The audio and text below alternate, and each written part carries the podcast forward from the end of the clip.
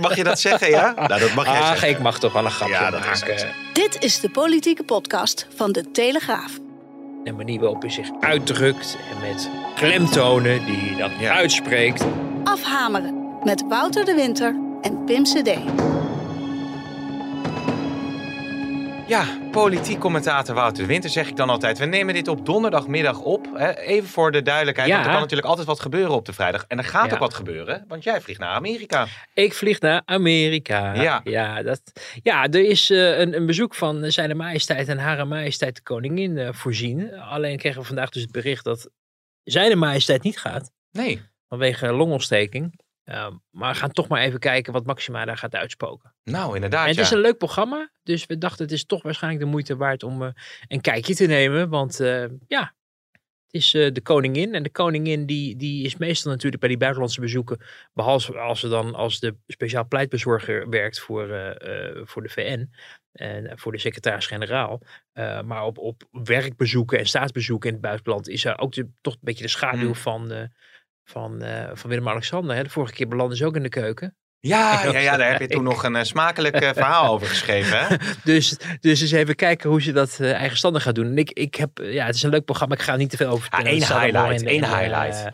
Uh, interessant altijd bij dit soort bezoeken is dat er altijd iets met een Nederlands tintje wordt gezocht. Ja, ja, ja. En dan, eh, Succesvolle ondernemers of zo. ja, dat. Maar ook, ook bijvoorbeeld, we gaan ook naar de, naar de opleiding Nederlands bij de University of Berkeley. Oh, serieus? Ja, University of California in Berkeley. Hele prestigieuze universiteit. En daar is dus al sinds, sinds uh, de jaren zeventig een Nederlandse leerstoel. De koningin Beatrix leerstoel. Oh, ja. En uh, ik heb al, al wat mensen gesproken daar die ook best wel verguld zijn dat het, ja, het Koninklijk Huis langskomt.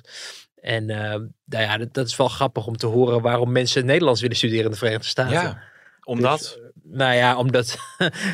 waarom zou je? Nou ja, dat is wel grappig. Sommige mensen studeren kunstgeschiedenis en denken dan dus dat ze, Oh ja. uh, als, je, als je in echt Nederlandse kunst geïnteresseerd bent, dat het handig is als je ook de basiscursus en ook uh, Nederlandse taal, maar ook de cultuur een beetje kent. Maar wat ik zelf wel interessant vond ook, was dat er ook veel mensen, zeker in het, dat deel van de VS, veel mensen uit uh, met Aziatische roots uh, zijn, hè, rond San Francisco. En dat er dus ook een behoefte is van mensen met Aziatische roots om te horen over ons koloniale verleden in Indonesië. Oh ja. Want daar hebben we natuurlijk ja. uh, daar ons nogal lang opgehouden in dat deel van de wereld. En uh, nou ja, daar willen die mensen ook meer over weten. Ja. Ook dus vanuit eigen culturele achtergrond, die dan op een hele andere manier verloopt dan je zou verwachten, maar dan via Amerika weer. Ah, dat worden ongetwijfeld interessante bijdragen. Overigens over de koning, hij was wel in Ter Apel uh, natuurlijk. Ja. Maar hoe gaat het met hem? Ja, ik begrijp dat, uh, um, kon me niet aan de indruk onttrekken dat men toch ook niet helemaal precies wist hoe dit allemaal was gegaan in de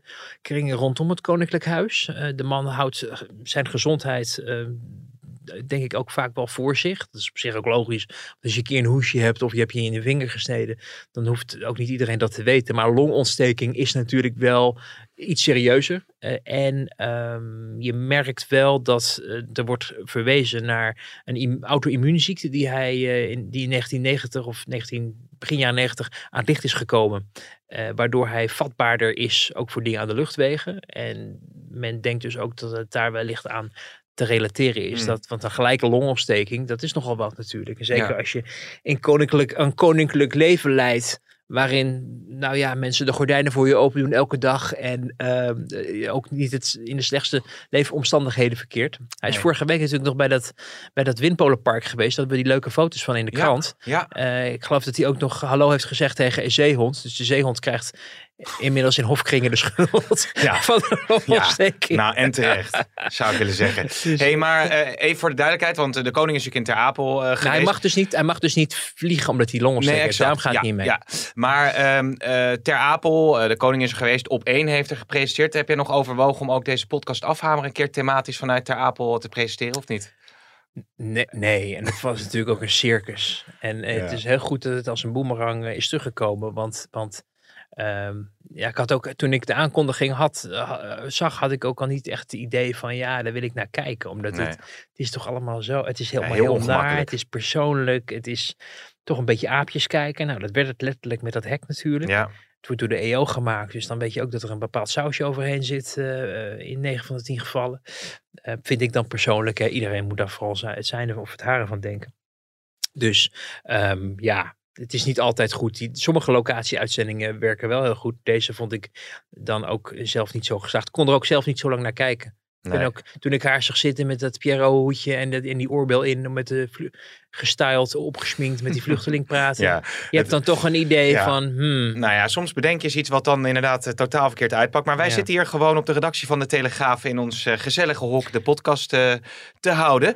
Laten we het eerst even over asiel hebben, om maar eens een brug te slaan. En toch even een opvallend aspect. Hè. Daan de Neef, Kamerlid van de VVD, heeft zijn Kamerlidmaatschap opgezegd en zijn zetel ingeleverd. Nou kan het natuurlijk wel zo zijn dat als een Kamerlid zo'n besluit neemt, dat het tot veel reuring leidt. mhm. Is dat hier binnen de VVD ook het geval geweest of, of valt dat wel mee? Nou, het, het grappige was dat je. Kijk, je, je ziet altijd wel een beetje een voorspelbaar eh, reactie eh, plaatsvinden. Eh, namelijk dat als iemand vertrekt en ook toch wel met, denk niet echt de ruzie, maar toch een oneenigheid over de standpunten, eh, dat mensen zich dan ook minder eh, teruggehouden voelen om dingen eh, voor zich te houden die er over iemand te vertellen zijn. Om de eigen partij of de eigen koers te verdedigen. Je merkt dat dat bij bijvoorbeeld Van Haga redelijk is uitgebleven destijds. Toen die eruit werd gezet. Omdat Van Haga al die fractievergaderingen bij had gewoond. En ook waarschijnlijk dingen wist over Oh de ja. VVD die de VVD liever niet naar buiten wilde hebben. En daardoor zag je nog steeds dat die man nog redelijk met, met fluwelen handschoenen is aangepakt de afgelopen jaren. Bij Daan de Neef, eh, ja, het was gewoon een backbencher. Liep wel al lang mee in de VVD, maar ook als gewoon ambtenaar. Dus ondersteunend personeel van de, van de Tweede Kamerfractie. En men heeft daar hem zien veranderen. Eh, men heeft altijd wel een beetje gedacht dat hij, nou ja, niet, niet de typische VVD'er wellicht is. Met het jasje, tasje. Eh, Nee. Hoewel is dat nog typisch VVD. Valt ook wel weer mee als je daar... Nou ja, jij In de gaat gangen rondstruint. partijcongressen ook. Dat is Ja, toch nog, ze zijn, anders ze zijn anders gekleed dan, Ja. nou ja, pak het beter congres van de SP. Het is allemaal wel wat, wat netter en wat eh, Ja, nou ja. meer gedoucht. dan sommige dat- andere partijen. Mag, je, mag je dat zeggen, ja? Nou, dat mag zeggen. ik mag toch wel een grapje Ja, maken. Ja, je kan ook bij de, het is bij de VVD, het is een cliché inmiddels, maar het is bij de VVD eh, altijd gezellig. Al toen ik helemaal begon in Den Haag, dan was het toch altijd, je, je wilde altijd, wel- welk congres was het leukst om naartoe te gaan naar de VVD, want dan ging, het is ook een heel oud verhaal, allemaal belegen en gebakken, maar eh dan ging de tap bij tijds open en dan stonden Ja. mensen met een biertje en op een gegeven moment de, was het tijd om te stemmen en dan stond de hal, de hal van de borrel, eh, borrelen stond al vol. Want Ja. eh, het moest ook wel een beetje gezellig blijven. Ja. Is ook een risico hoor bij die partij, want het werd de afgelopen jaren een festival. En daardoor ging het denk ik vrij weinig over ja, de inhoudelijke dilemma's. Ook Ja, waar nu het land voor staat. meer? Precies, en dat betaal je dan nu de rekening voor. En iedereen is, is, is, is opgewonden en verbaasd dat het congres de stikstofkoers heeft afgewezen. Eh, omdat men dacht van, ja, het komt wel goed. Men heeft dat gewoon laten ontsporen in de top van de, van de partij. En eh, mensen onvoldoende overtuigd van nut en noodzaak. Of Ja. eh, argumentatie. Het is, sorry, als ik je nog één ding mag onderbreken, want er kwam een reactie op binnen die ik wel interessant vond. Want je kan aan de ene kant zeggen, de, de, de, de partijtop heeft dat laten ontsporen. Er reageerde toen een keer iemand op Twitter daarover nog. En die zei, ja, maar het is eigenlijk ook wel weer heel goed. Hè, dat, er, dat er een open cultuur heerst en dat, dat de leden eh, daar waar nodig Zeker. bij kunnen sturen. Ik vond het ook wel verfrissend. Alleen het probleem is wel dat dit ongeveer het belangrijkste was Ja. wat in het regeerakkoord stond. In ieder geval qua geld. Hè. was 25, het is nog 24,4 miljard van over geloof ik. Maar eh, dat gaat natuurlijk wel over, over iets dus. En de eigen minister. Dus dat hebben ze Ja. gewoon niet zo slim aangepakt. Het wordt ook wel toegegeven. Zou ook Rutte eigenlijk had, had daar misschien al veel eerder zich mee moeten bemoeien. Maar ja, die dacht dat daar heb ik een minister voor die dat een beetje in goede banen kan leiden. Notabene iemand die jarenlang voorzitter is geweest en daarmee de liaison is jarenlang tussen het kabinet of de partijtop in Den Haag en, en de leden.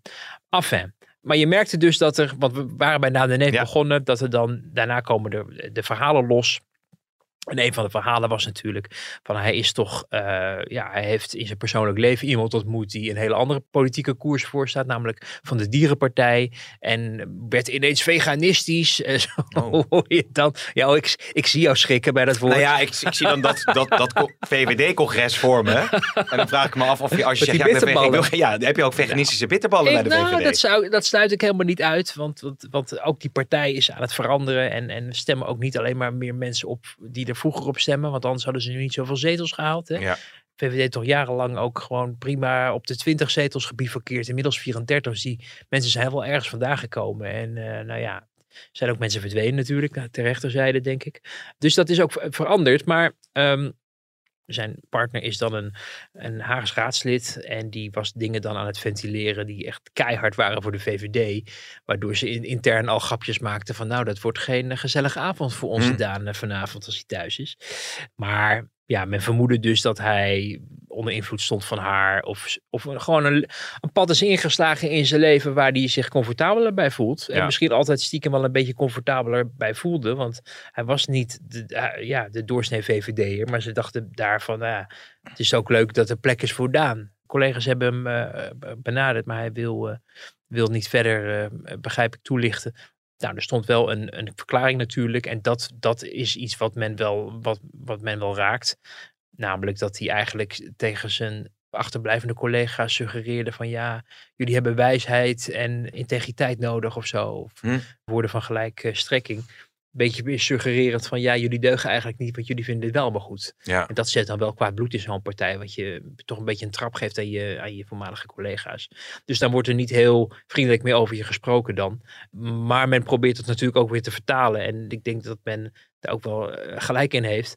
Naar eh, dat het misschien een blessing in disguise is. Want als jij in deze week een sessie moet oprichten waarin men praat en kritiek heeft over de asielbesluitvorming. En dat men vindt dat het allemaal slappe hap is. En dat niet wordt geleverd wat in het regeerakkoord staat. En vervolgens vertrekt er iemand uit de Kamer die zegt dat je, Het is je niet menselijk genoeg, bent. het is te hard. Ja, Ja. dan kan je alleen maar aan de kritiekassers laten zien. Nou, het is zelfs zo hard dat er Ja. iemand voor opstapt die het te hard vindt. Ja. Dus ja, ja. maar goed, er Nou ja. zit wel een iets ander verhaal achter. Namelijk, denk eh, misschien ook gewoon een, een evaluerend eh, beeld over politiek. En waar het in Den Haag over moet gaan. Al dan niet onder invloed van je partner. Dat kan natuurlijk gebeuren. hè. Je kan iemand ontmoeten die, eh, die eh, dingen Ja. van een andere kant laat zien. Ja. Dat je dat gaat geloven. Ja, ja, nee, goed, ik moet Ja, daar ik kan me er niks bij voorstellen. Maar Nee, precies, ja. jou, jou natuurlijk al lang overkomen. Ja, joh, ik ben zo geleden. veranderd, eh, inderdaad. Maar als we het over de asielcrisis hebben, Wouter. eh, bij de VVD waren natuurlijk ook boze leden, verontruste leden, die hun zegje mochten doen eerder deze week. Nou ja, er is natuurlijk veel aandacht over geweest, ook in, in de media. Maar hoe groot is nou de crisis eh, eh, binnen die partij? Of, of, of, of misschien een beetje ja, de, het zoeken naar de juiste koers, de verbinding met de achterban? Op asielbeleid is het eh, al jaren eh, toch pappen en nat houden. Enigszins omdat men met grote woorden in verkiezingsprogramma's en verkiezingsdebatten probeert de kiezers weg te houden bij de eh, partijen aan de meer populistische kant, zoals de PVV.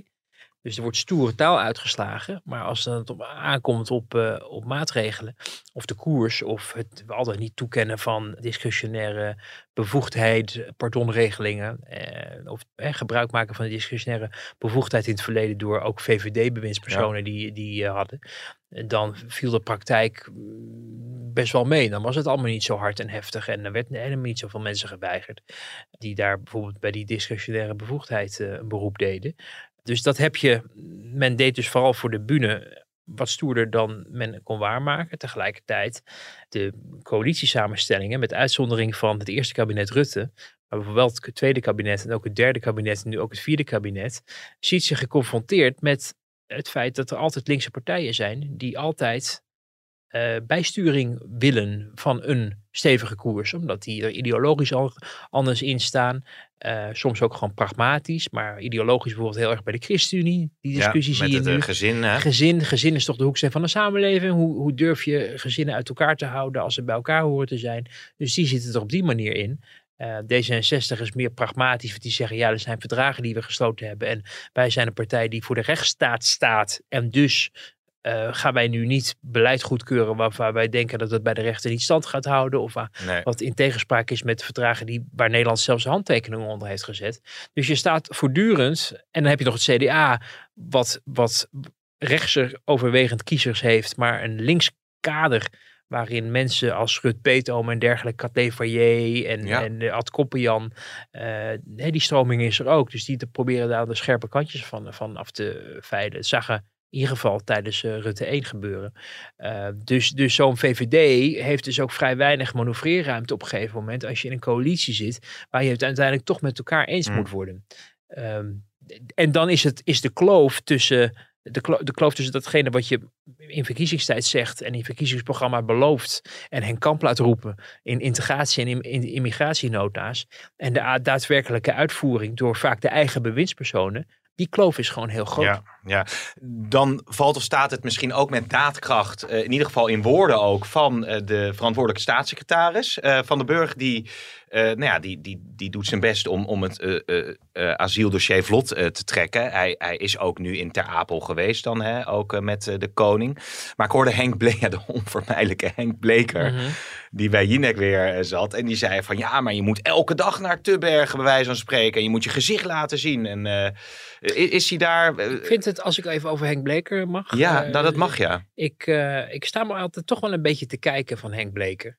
Uh, want ieder mens heeft natuurlijk recht op zijn eigen mening. Maar hij is zelf staatssecretaris geweest. En dat staatssecretariaat was nou niet een staatssecretariaat wat de boeken ingaat als het meest effectieve en tot de verbeelding sprekende. Uh, het, het, was zelfs op een gegeven moment zo erg dat er zoveel tassen met stukken klaar stonden voor Henk Bleker om te tekenen als staatssecretaris. Dat ze ambtenaren min of meer hebben moeten opsluiten in zijn kantoor. Om, oh ja? om, om de nota's te tekenen die hij als verantwoordelijk bewindspersoon uh, tot zich moest nemen. En, en als die hoeveelheid zich opstapelt, uh, dan heb je dus een stuw meer weg te werken. En dat zijn vaak dikke, dikke stukken die je dan verondersteld wordt ook te lezen. Nou, dat doet echt niet alle bewindsperso elke bewindspersoon over alle stukken. Maar als je dan ziet dat hij destijds ook mede verantwoordelijk is geweest voor de, voor de vormgeving van bijvoorbeeld het stikstofbeleid. En dat je dan toch bij jezelf denkt van, goh, moet je eens kijken wat een puinhoop dat inmiddels is. Door aansluitende kabinetten, ook het kabinet waar Bleker deel van uitmaakte, zelfs de verantwoordelijkheid voor droeg dan weet ik niet hoe gepast het is om dan je latere opvolgers de maat te nemen over hoe zij hun werk moeten doen. Mm. Dan denk ik, nou ja, misschien had je dat zelf ook wat beter moeten doen. Of eigenlijk gewoon nu over andere dingen praten dan over wat de politiek allemaal niet deugt. Uh, Ja. hè, dat is, er zijn natuurlijk wel meer mensen hè, die achteraf uh, allemaal zeggen over hoe de politiek uh, en hoe nu moet functioneren. Maar juist Bleker op dit stikstofdossier, wat natuurlijk wel, zoals we zeiden, een groot probleem is. En dan zeggen, ja, Van de Burg moet dit, Van de Burg moet dat. Um, weet ik niet of ik dat heel overtuigend vind. Wat even los staat van dat je een boom kan opzetten op de manier waarop uh, Van de Burg zijn staatssecretariaat inricht. Uh, ik heb niet het idee dat hij veel te kiezen heeft langs mijn hand. Hij is gewoon ja, ziet zich geconfronteerd met, met de erfenis van de vorige kabinetten Rutte of misschien wel daarvoor met een asielbeleid wat gewoon niet functioneert. Nee. En misschien wel failliet is. En, en ja, dat je dan als VVD iemand vraagt die zelf heeft gezegd: hoe meer asielzoekers, hoe beter. En die, dat je die dan op die plek neerzet. Verondersteld wellicht vanuit het feit dat je dan makkelijke bruggen kan bouwen tussen links en rechts. Of tussen oppositie en coalitie of wat dan ook. Of binnen de coalitie. Maar goed, Van de Burg, die is de brandweerman die nu aan het blussen is. Ja, ja, en de vraag is of hij dan goed blust. Nou ja, Bleker Ja. die heeft daar zo zijn opvattingen over. Is er trouwens irritatie over of denken ze... Laat hem maar gaan. Ja, ja, Want hij zit natuurlijk wel nu ook weer aan tafel om met Remkes te praten. Ja, En met, met, met, met Rutte. je hoort niet veel positiefs over hem. Nee. Eh, het is natuurlijk, het is in de omgang een aardige man hoor, verder. Een leuke vrouw ook. Hebben we ook nog eens over geschreven. Ja, Groen blaadje voor Bleker stond er op de voorpagina, weet je nog? ja dat was Die, mooie, die mooie strandfoto uit Israël. Ja, ik, ik, ik, het, het komt langzaam maar zeker naar boven, ja. is het Ja. tweede scherm, mensen. ja Zoek maar eventjes. Groen blaadje voor Bleek. Ja. Eh, nee, maar, maar eh, Barbara Rijlaars dan is dat een hele journaliste, hè? Eh, leuke collega. Nou ja, irritatie. Kijk, wat kan je... Het is Henk Bleker, die is toch ook met Forum voor Democratie op een gegeven moment gaan flirten. Eh, dus die is gewoon, eh, eh, ja... Dat was na zijn staatssecretariaat was het, was het wel een beetje voorbij in de politiek. Maar men heeft wel wat anders te doen dan zich Ja. druk te maken op Henk Bleker. Alleen hij is een medialieveling, want veel mensen kennen hem. Hij is natuurlijk wereldberoemd geworden met het briefje van Mauro. Ja. Wat ook niet zo tot de verbeelding Nee. sprak, zeg Nee. maar, qua Nee. wat je moet doen. Dus hij is een bekend gezicht. En je weet hoe het gaat met bekende gezichten. Die worden gevraagd. Die mogen dan weer op televisie vertellen of op de radio of in de krant hoe de wereld in elkaar zit. ja. Nou, oké. Laten we Bleker maar even parkeren dan. Eh, en Van den Burg wilde je nog vragen over... Nou, Van den Burg was ik mee... Ja, goed, over het algemeen hadden we jij had het over de brandweer. Je hebt er al redelijk wat over uitgelegd. Maar ik dacht over, die, over, twi- over zijn Twitter-fitty. Nou, inder- nou, inderdaad. Ja, je ik neemt, neem het je wel neemt, over. Je neemt er een Ja, met- dagvergadering ja, maar je over. hebt het zo druk Nou, bij RTL 5 ja. dat, ik, dat ik denk, ik help gewoon Ja, eventjes. nee, maar dan lopen er heel veel dingen door elkaar heen. Dus fijn dat je me daar eventjes... dat je die, die, die trein weer op de rails brengt, Wouter. Eh, ja, nou ja, Zal ik mijn vraag dan ook beantwoorden? Nou, zelf? Van den Burg die had eh, inderdaad volgens volgens Wilders, want ik had het eigenlijk gemist, maar Wilders die tweette dat Van den Burg hem had geblokt. En toen zei hij erbij van nou, hij kan beter asielzoekers eh, blokkeren dan mij. En toen later uh, tweette Wilders weer naar de blokkade is blijkbaar opgeheven. Ik Ja. vond dat toch wel opvallend dat een staatssecretaris een collega eh, politicus zou blokken. Ja, Voor- voor de open debatvoering ja, de oppositieleider ook. Ja, oppositieleider, Dus inderdaad. dat is, ik denk ook wel dat hij eh, wellicht wat advies heeft gekregen om die blokkade maar op te heffen. Omdat het niet echt een goed beeld geeft dat het kabinet niet open staat voor kritiek van de oppositie. Ik kan me ook wel voorstellen dat als Wilders over je twittert, dat je dan in Twitter-conversaties getrokken wordt waarin je van alles wordt eh, toegewenst door anonieme mensen waar je ook niet op zit te wachten. Hmm. Eh, en dat je misschien, om dat even te silencen, maar hebt bedacht van ik blokkeer hem. Je kan iemand ook gewoon op stil zetten. Dat, dat helpt ook. Maar ik heb ook wel Ja. mensen geblokkeerd. Dat ik dacht, ja, weet je, één tweetje en je krijgt echt eh 40 wappies achter je aan. Want dat gebeurt soms als het in, in- over bepaalde onderwerpen gaat. Of misschien wel meer dan 40. Dat je denkt, die, die wil Ja. ik niet in mijn leven. Die wil ik niet in mijn timeline. Ik wil niet dat het de hele tijd daarover gaat. En daarmee stop je dat er over je gesproken wordt niet. Maar je hebt in ieder geval zelf minder mee te maken. Ja, Maar hij heeft hem inmiddels weer unblocked. En eh, nou, dat eh, heeft Wilders ook geconstateerd. Dus eh, het lijkt me ook wel verstandig voor... het is toch de leider van de oppositie. En die is het niet eens met het beleid. Dat mogen duidelijk zijn. ja, ja. Maar mm, ja, voor een staatssecretaris wel handig om ook wel even in de gaten te houden wie het niet met je eens is. Zodat je daar ook, ook weer op kan reageren op het moment dat je vindt dat er iets onwaars wordt Ja, gezegd. ja, het wordt een beetje triviaal. Maar wat ik me wel nog afvroeg is, want we hebben het eerder ook over Sigrid Kaag gehad, waarbij dus eh, in haar omgeving mensen eigenlijk eh, eh, schijnbaar haar social media accounts beheren of in Ja, ieder geval daar ja. dingen mee doen. Hè? Beheerd door Sigrid en haar team. Maar dat Ja. is eigenlijk haar team. Ik, ik, ik ben een beetje voorzichtig in mijn inleiding, maar dat, dat is zo. Hè? Eh, maar het zou van Maar, Burg- is- maar dat is het ook het grappige. Er staat op de Twitter-account van haar, voor haar, haar D66 Twitter-account. Maar je hebt ook het, min, het Minfin. Ja. En dat is dan echt het ministeriële. Dat ze weer, ik weet niet, een, eh, een brief heeft gestuurd naar de Kamer of zo. Of dat ze een optreden heeft in het buitenland bij een conferentie. Maar je hebt nog het, het, het, het D66-account. En dat wordt dan door de partij beheerd. Dus daar zitten wat, wat mensen dan, of één of twee, of een voorlichter, die zit dat dan te begeleiden. ja. Maar het mooie is dat er staat eh, door Sigrid en haar team. Maar, maar, maar zelf zegt ze echt bij elke microfoon die je ooit vraagt over Twitter. Dat ze oh, daar zit ik allemaal niet op. Heb ik jaar Nee. geleden al Nee. afstand van genomen. Maar Van den Burg schijnbaar dan wel zelf, denk je? Of is dat ook al iemand die dat voor hem doet en die daar dan geïrriteerd ik, ik, moet over je, is? ik, ik, ik moet je eerlijkheidshalve be- be- bekennen dat ik dat niet per se weet. Maar ik kan me bijna niet voorstellen dat het ministerie van Justitie eh, Wilders blokt Nee, nee, namens nee, de staatssecretaris. Dus daar zal hij denk ik iets zelf mee te maken hebben oké, nou goed. Eh, Wouter, wat, staat er, wat is het volgende onderwerp op, eh, op de agenda? Nee, ik wou naar, ik wou naar stikstof gaan of wil je Ja. liever naar koopkracht? Mag ook hoor. Jij mag kiezen. Het is, oh, ik mag het is jouw kiezen. dag. Sorry vind- mensen. Het is wel leuk op donderdag. We zijn toch wat losser. Ja, we zijn heel los. Maar het voelt ergens ook een beetje ja, onheimisch of zo. Omdat je denkt van, oh god, die Ja, vrijdag komt er nog aan. Ja, wat maar wat ik wel begrijp is dat, dat de- de kou voorlopig wel wat uit de lucht Ja. lijkt. Als het gaat om de algehele sfeer of het, het gevaar op crisis. Vorige week twijfelde ik daar nog wel aan. En wat ik ook hoorde toen, eh, zowel van de entourage als bewindspersonen zelf, die er ook een hard hoofd in hadden dat, dat, dat het nog goed kwam. Maar je zag eh, in de loop van de week wel, deze week zag je dat eh, nou ja, de gemoederen wat tot bedaar kwamen. Misschien straks nog even stikstof en eerste koopkracht. ja, Want, want een van de signalen die ik oppikte, waardoor je zag van, oh, ehm, men probeert het allemaal weer op de rails te zetten, was het akkoord over de koopkracht. ja. Dat je Rutte en Kaag na afloop van de weer een marathonsessie, die overigens vooral eh, verliep via de fractievoorzitters van de coalitie, die hebben het grootste gedeelte van deze onderhandelingen eigenlijk voor hun rekening genomen. Eh, Hoekstra was in de laatste fase er ook niet bij, want die was als minister van Buitenlandse Zaken in meen Tsjechië. Eh, Schouten was on en off aanwezig, dus je zag het kwam echt bij Hermans, Heerma, eh, Paternotte en, en Segers eh, aan. Ehm, en dat ze na afloop dan toch de leiders van het kabinet en eigenlijk ook van de coalitie naar buiten komen, namelijk Rutte en Kaag, die met een glimlach om, wat was het, tien voor half zes ochtends, toch verklaarden dat het was gelukt om eruit te komen. Ja. Wat moeizaam was, ingewikkeld was. 16 miljard is, of 15 miljard is het een beetje, is toch een, eh, een, een mini-formatie, zoals iemand uit een coalitiepartij mij zei. Waarop ik grappenderwijs zei, god, dat lijkt wel heel erg op terug naar de tekentafel. Wat Hoekstra toch al maanden geleden heeft Ja. verklaard. Maar daar wilde Nee, deze persoon niet. vooral niet eh, aan herinnerd worden dat hij dat toen ook had voorspeld. Grapje. hij luistert, dus Oh, ik weet dat hij, dat hij, uitstekend. dat hij zich Ja. eh, aangesproken voelt nu. Nee, maar de, de, de, eh, je zag de opluchting. En je zag daarmee ook ja, een horde die genomen was in een politiek ingewikkelde tijd. Hm. Eh, hè, het is misschien, het is ongetwijfeld niet genoeg. En de Kamer moet er nog overheen. En de Eerste Kamer moet er overheen. En wie weet wat er ons allemaal nog te wachten staat. Maar je wil als politicus op een gegeven moment ook een succes boeken. Als het allemaal moeilijk gaat. Ja. En dat je met elkaar het over eens kan worden. Dat je die oude chemie, in hoeverre daar in, deze verstands, eh, in het verstandshuwelijk sprake van is. Eh, maar je wil elkaar weer een beetje vinden. En dat is gelukt. Op dit front ze hadden natuurlijk vrijdag het asieldossier.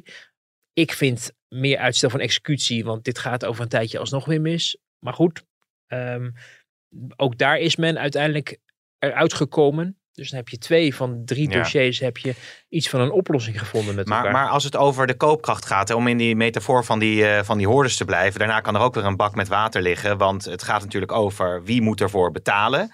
Nou, Mhm. er wordt de VVD al verweten dat ze op asiel misschien eh, te soft zijn.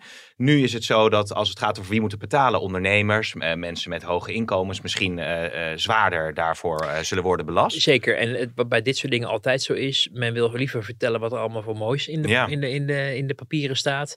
Hè, hoger minimumloon, ik bedoel geld uitdelen, dat is natuurlijk prachtig. Ik begreep ook dat er 6,5 miljard uit gasbaten wordt, of hoe noem je dat, de energiebaten Mhm. tegenwoordig. De pot geld die we extra krijgen vanwege de hogere prijzen en de belastingen en de heffingen daarop.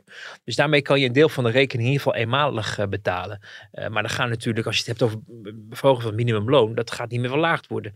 Zeker niet door, door een linkse coalitie als die er later komt, wat helemaal niet Ja. uitgesloten is natuurlijk. Dat is zijn structurele la- eh, verhogingen en structurele uitgaven. En die moeten ergens vandaan komen. En dan moet je dus ook kijken naar eh, waar je dat structureel mee kan dekken. En dat betekent dat je eh, belastingen her en der moet verhogen.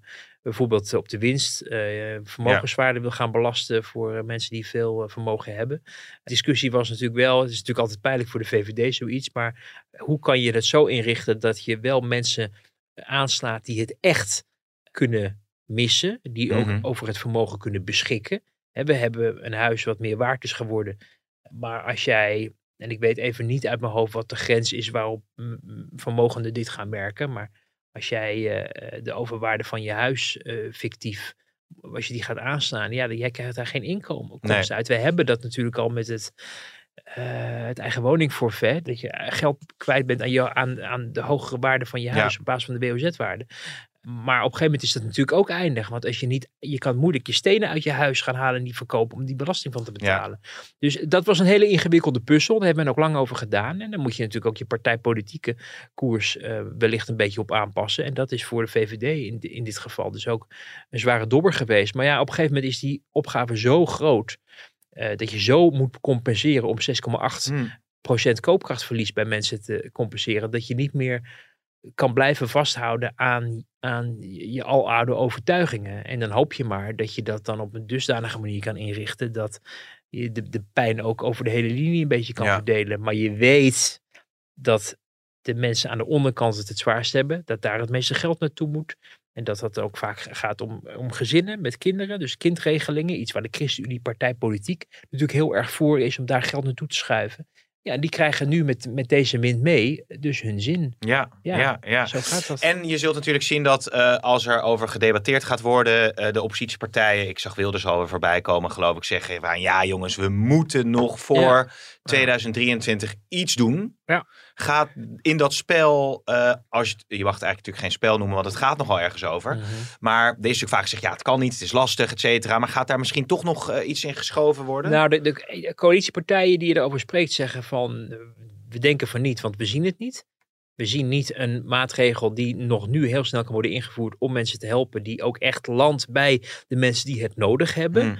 Want zie die groep ook maar eens definiëren. Zelfs mensen met een laag inkomen hebben niet allemaal een, een, een variabel energiecontract. Ook die kunnen een vast contract hebben, waardoor de mensen die een laag inkomen hebben en wel een variabel contract hebben, het sowieso zwaarder hebben Ja, met dan mensen met een lage inkomen en die een vast contract hebben, wat Ja. misschien vorig jaar is afgesloten. Dus zij zeggen, wij zien dat niet. Eh, betekent niet overigens dat er niets kan. Want je kan natuurlijk wel wat. Je kan besluiten om de BTW eh, op de boodschappenkar eh, te verlagen of naar nul te brengen, tijdelijk of wat dan ook. Dat kost gigantisch veel geld. Want dat is al het eten en drinken wat mensen in Nederland kopen, bijvoorbeeld. En dan vervolgens eh, is de vraag: oké, wie is daar dan bij gebaat? Ja, eigenlijk iedereen. Maar je wil, als het met zoveel geld te maken heeft, het laten landen bij de mensen die het Ja, echt niet ja, kunnen ja, missen. En als iedereen mee profiteert, ja, dan is het dus ongericht, zoals men dan noemt. En daar is dan weer kritiek op gekomen, bijvoorbeeld toen het ging om de lagere accijnsen bij de pomp. Hè, want daar had toch iedereen eh, voordeel van. En de benzineslurpers met de Maseratis en hun Range Rovers meer. En schande sprak Jesse Klaver en schande sprak de PvdA. En ook Sigrid Kaag zei dat het niet de schoonheidsprijs verdiende, die maatregel. Maar dan is de vraag, laat je eh, eh, het goede de vijand zijn van het betere? Zeg ik dat Ja, goed, die de goede de vijand zijn van de betere. Ja, van het. Nou, Nou ja, dat is dan weer omdat we nu zo aan het, aan het gezellig, gezellig aan het praten aan zijn. het praten ja, zijn. nou ja, misschien Maar- dat de luisteraar erop terug mag komen. Als Nee, het nee, nee, nee, vindt, nee, nee. Oh, nee. Nee. Nou, stuur het dan maar naar mij. Krijg, ja, stuur maar naar Pim. Ja. Gaat hij weer lunchen. Ja. Nee, nee maar, maar... Alsof ik het niet hartstikke druk heb, hè? Ja, ja. straks Nee, maar je moet Ellie eerst Lust. waarnemen. Ja. Ja, nee maar, eh, nee, maar ik bedoel dus te zeggen is dat je, je kan dus wel wat doen, maar dan heeft iedereen er profijt van. En de vraag is, is dat het waard? Want uiteindelijk wordt, moet het ergens van betaald worden. Dan mis je weer belastinginkomsten die uiteindelijk ook weer zouden worden gebruikt voor wegenaanleg, pensioenen, mili- eh, defensie wat dan. Maar behalve als de druk echt heel hoog wordt en we steeds meer beelden krijgen van mensen die eh, hun rekening niet meer Ja. kunnen betalen. eh, nou ja, dat gaat, is natuurlijk wat de oppositie ook zal voorhouden. Mensen Ja. die op vaccinelichtjes zitten te... Ja, maar het, het argument van het kabinet is dus van de uitvoeringsdiensten kunnen het niet aan. We hebben, zijn er ook door gewaarschuwd, ook door onze eigen kamercommissies, om vooral niet dingen eh, in te voeren waarvan we weten dat ze moeilijk of niet uitvoerbaar zijn. En dan vervolgens die diensten daarmee op te zadelen, waar je allemaal ellende van krijgt. Eh, Dus dan maar een inhaalslag in 2023. ja, en dan is de vraag: kunnen mensen het ro- rooien tot 1 januari? Eh, want dan kan er ineens Ja. wel een heleboel. Ik zou wel menen dat we nu in deze situatie zitten. En je hebt corona gehad toen ook van alles mogelijk was. Soms al binnen een week. KLM, Air France, oh, Air France KLM, even een paar honderd miljoen toestoppen. Omdat eh, de aandeelhouder, eh, als aandeelhouder dat verstandig zou zijn. Dat ging in, in ik geloof 24 uur door beide kamers Ja. van het Ja. van het parlement. Ehm, dus men ziet in het land wel dat er wel wat kan, alleen niet voor, zich, voor henzelf. En dat is natuurlijk altijd risky. Dus je zal als kabinet ook wel moeten verkennen van ja, moeten we niet eh, toch eh, los van de stramine van per 1 januari kan het wel en het kan niet volgende maand. Eh, dat is eigenlijk in zo'n snel veranderende wereld eh, niet meer van deze tijd. hè. Dus je moet wel, zou je denken, daar op een gegeven moment jezelf van afvragen, moet dat niet anders? Eh, en de Kamer kan het in principe afdwingen als ze een goed idee hebben. Eh, en Ja. dan moet het kabinet het ja, van goede huizen komen, dan weigeren om, om uit te voeren. Zeker als er dus ook steun komt van coalitiepartijen. Ja. Want anders zegt de Kamer, hè, de Kamer is natuurlijk eh, meerderheid voor de coalitie, maar in de Senaat bijvoorbeeld niet. Dus die kunnen dan ook weer van alles Ja. besluiten. Maar dan zit je alweer, tot het bij de Senaat ligt, in, nou wat zal het zijn, oktober, november of zo. Hm, hm, Dus dan ben je alweer wat verder met financiële beschouwingen daar. ja. En Ja. dan is het alweer bijna januari. Nou, ik ben benieuwd hoe dat eh, verder eh, gaat. Laten we de stikstofcrisis er nog heel even bij eh, halen. Want eh, 2030, Ja. daar wordt niet aan getornd.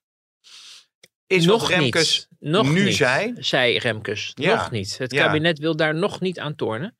Daar sloeg ik wel op aan, want ik vroeg natuurlijk gelijk toen ik op teletext eh, zag gisteren. Want ik was... eh, Mooi teletext, ja. Ja, teletext. Ja, dat is Haags ding, mensen. was vroeger heel populair. En nu kijken alleen maar mensen die daarna werken ernaar. Een handige app. En dan stond eh, een kop van, dus van de NOS van... Remkes dubbele put- punt eh, 2030 staat overeind of zo. Of Ja. wordt niet aangetornd. En toen bleek uiteindelijk, want ik heb het even bij onze Mike Muller nagevraagd die erbij was. Dat het kabinet dat had gezegd, dat dat nu niet ter discussie stond. Maar nou ja, dat ligt natuurlijk aan of Remkes dat ook vindt. En of Remkes denkt van, zou het omhoog houden van dat jaartal? Hebben zij niet getrouwd met, met, met een jaartal, geloof ik? Of met getallen, zei hij? Of met, nee, met afkortingen zijn we niet mee getrouwd. Die K, eh, KDW. KDW. Eh, Kritische depositiewaarde. ja, maar, maar goed, als je het hebt over 2030, wat er wel of niet moet gebeuren. eh, We leven nu in 2023, dus het kan je ook heel moeilijk al afrekenen. Ja, Eh, ja. dus hij moet een formulering vinden, denk ik, waarin hij gewoon iedereen aan boord trekt. En eh, ik heb ook mijn oor te luisteren gelegd bij D66. En die zeggen wel van ja, maar als je gaat schipperen daarin en zegt van nou, dat is niet heilig. Of dat kan in 2031 ook wel. Kijk, we zitten niet in 2030, dat zien zij ook wel bij D66. Maar, maar als je nu al eh, dingen gaat loslaten, hoe moet dat dan in 2030 zijn uitgepakt? Ja. Dus die moeten overtuigd worden van een verhaal waarvan ze denken, oké, weet je, 2030, eh, dat staat of valt, de inspanningen staan of vallen niet met met dat jaartal. Wat eh, als Remkes met een oplossing komt die in 2028 al gerealiseerd kan zijn.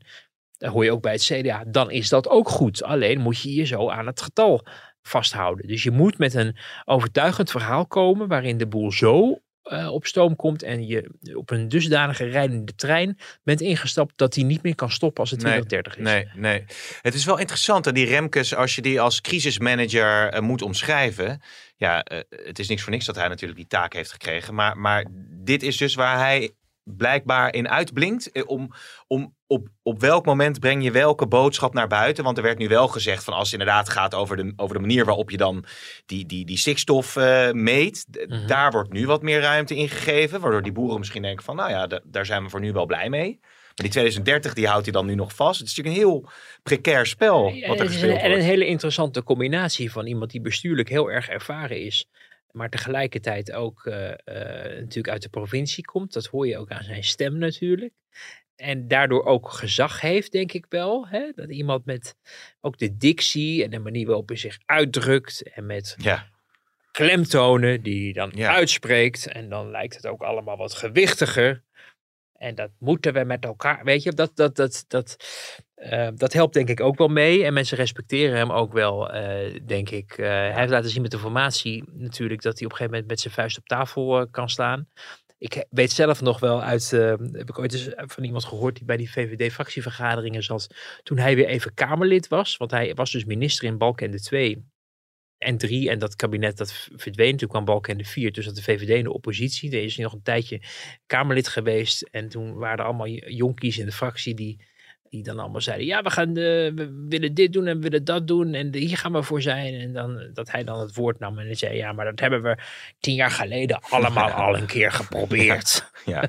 dus wel echt iemand met gezag en, en uh, ervaring. En die, die hou je niet zomaar voor het lapje. En hij vindt het denk ik niet heel erg fijn dat hij nu in een soort verantwoordelijkheid wordt gedrukt van, ja, los jij onze problemen maar op. Nee. Ik denk dat dat, en ik denk dat hij daar ook een punt heeft, dat je dat niet... Uh, de politiek moet het toch uiteindelijk wel zelf oplossen. Voor de tweede keer in korte tijd richten ze zich nu tot Remkes vanwege uh, natuurlijk ook eerst die formatie die ja. hij heeft op moeten lossen. En op een gegeven moment gewoon zei van oké, okay, ik ga niet hetzelfde doen als Mariette Hamer heeft gedaan. Door nee. nog maar eens een ronde met de PvdA GroenLinks te doen. Dat stuiten we af. Heeft hij voor de, en dat was het begin van het einde voor het linkse plan en D66-plan. Ja. Ja. Toen waren ze binnen in die Kamer en toen zei D66 tegen elkaar van oh ja, maar dan is het dan hebben we een probleem. Want uh, hij sluit nu buiten voor de microfoon onze, onze route af. En toen kwam de drankroddel ook ja. de wereld in. Ja. Omdat ze dachten, dit gaat de verkeerde kant op. We gaan naar de noodrem trekken. Ja. En dat is niet helemaal goed uitgepakt voor, uh, voor D66. Nee, maar ook, ook... Dus dat zou uh, misschien ook verkeerd uitpakken voor mensen die nu met Remkes aan tafel zitten. Op het moment dat, zij, uh, dat hij daar een beslissing over neemt, wordt het, moet je van goede huizen komen om daar dan weer helemaal vanaf te wijken. Ja, ja. Ja, boeiend is het uh, inderdaad. Ja. Tot slot, want het is een hele gezellige podcast. Uh, nog even terugkerend op jouw column natuurlijk van eerder deze week. Als je nu naar de koopkracht, naar asiel, naar stikstof uh, kijkt, is het voorlopig even rustig. Kan jij met een gerust hart naar Amerika, zo lijkt het. Maar jij voorspelde dat er nog wel wat rampspoed aan kan gaan ja, komen. Hè? En zeker op het stikstofdossier. Uh, en dat, dat is ook, um, en dat, ik denk dat Remkes dat ook wel aan de orde stelt, daar binnenskamers. Uh, er zijn nog allerlei dingen die uh, bijvoorbeeld vanuit Brussel klinken, het gaat over derogatie. Er komt van de Raad van State nog een uitspraak over het zogenaamde Portoszaak. Het gaat over bouwactiviteiten die daarmee, mm. als daar negatief over wordt besloten, het, het kabinet van vrees dat de hele bouw in Nederland wordt stilgelegd. En hoe je daar dan weer in hemelsnaam uit moet komen, dat weet men ook nog niet. Want er lag, begreep ik van de bewindspersoon, nog geen uh, scenario voor klaar. Dus er staat nog een heleboel te wachten, ook op dat stikstofdossier. Maar ook over allerlei dingen die boeren ook gaan raken. En zullen bemoeilijken in het uitvoeren van hun werk. Uh, je weet niet wat dat betekent. Je weet ook niet in hoeverre de boeren daar het kabinet voor verantwoordelijk zullen houden. Want het kabinet zal op een gegeven moment dingen moeten besluiten die voortkomen uit recht, rechtelijke uitspraken. Ook al zijn ze het er persoonlijk niet mee eens. En ook al vinden ze dat uh, ook de Raad van State ook bij eerdere zaken onvoldoende heeft gekeken naar de maatschappelijke impact die de beslissingen Mhm. hebben. Want je kan wel naar de letter van de wet handelen. En dat is natuurlijk waar een rechtscollege ook voor op aarde is. Maar een, ik denk ook altijd aan vrouw Justitia die met die weegschaal staat. En ook aan het wegen is. En aan de belangen aan het afwegen is. En ook op een gegeven moment moet kijken van ja, wat is fair en wat is niet fair. Ja. Ik ben geen jurist, maar eh ehm, billijk en zo. Ehm, eh, het, het moet allemaal wel proportioneel zijn. En ehm, daar heeft de Raad van State eh, wellicht iets minder goed naar gekeken de afgelopen jaren. En dat zou wellicht nu met alle ophef die er is en een land dat tot stilstand komt, wellicht nog iets kunnen betekenen in de, in, in de, ja, de besluitvorming nu. Ja. Uh, maar belangrijk daarbij is, en dat is ook steeds het argument wat het kabinet uh, ventileert, ook richting die hele derogatiezaak in Brussel. Op het moment dat jij als kabinet al gaat uitstralen van, nou ja, we, we, hè, we nemen het dan met de korreltje zout en het loopt zo'n vaart niet. Dat is de houding van de afgelopen jaren. En daar Mhm. is dus keer op keer nee tegen gezegd, door Brussel, door de rechten. En, en dus heeft Den Haag zijn eigen probleem ook gecreëerd, Ja. waar uiteindelijk mensen in het land, in dit geval dan de boeren, de prijs voor betalen. Omdat die zich hebben gehouden aan de Den Haag uh, uh, geadviseerde koers. Of door de, de banken daar ook door zijn geadviseerd. En nu met, uh, op de blaren mogen zitten. Ja, men houdt elkaar ook wel behoorlijk in de, in de houtgreep. Ja, en die derogatie gaat over de, de, de, de mest, de normen, of Ja. wat je al dan niet als Ja. boer mag uitstoten Ja. eh, over je land. En, en daar komt Ik zeg nu gewoon ja, Pim, want vraag me niet al te veel over. niet al te Want- veel, maar er komen in ieder geval richtlijnen aan vanuit Nou, Europa. er, er, er komt een oordeel vanuit Brussel of, of, of wij, ik geloof, een uitzonderingspositie eh, mogen houden. Of dat we dat op een andere manier mogen oplossen. En de vraag is of je dat met creatief boekhouden nog, nog redt, zoals we dat zo vaak met creatief boekhouden hebben gedaan. En dat is, dat is echt een probleem. Eh, en daar maken ze zich grote zorgen over in Den Haag. En dan heb je op, moet je uiteindelijk, denk ik, toch met elkaar rooien. Politiek Den Haag, maar ook die boeren. Ja. En dat betekent de wisselwerking ook van beide. En waar het op misging, is dat er vanuit Den Haag werd gezegd: hier is het kaartje. Succes ermee, ja, dat kaartje. Ja. Dat gaan we, en, en dat is dus niet de goede manier geweest. Nee, en dat nee. probeert Remkes nu recht te trekken. Maar dat zal niet betekenen dat, dat de vlag uitgaat. Ja. Omgekeerd dan wel eh, op normaal. ehm, snap je? Het- het- ik snap hem zeker, ja, ik snap hem zeker. Nee, absoluut. Heb je al eh, ingecheckt? Ja. Oké, hartstikke goed. Dan kunnen we deze podcast met een eh, gerust hart eh, beëindigen, Wouter. En volgende week Ja. dus, ja, vanuit live, wel niet live, want het is natuurlijk opgenomen, from Texas. Ja. Everything is bigger in Texas. Ja, Wist je ben- dat, eh, nee, maar dat ga ik ongetwijfeld dan horen. Tot de volgende.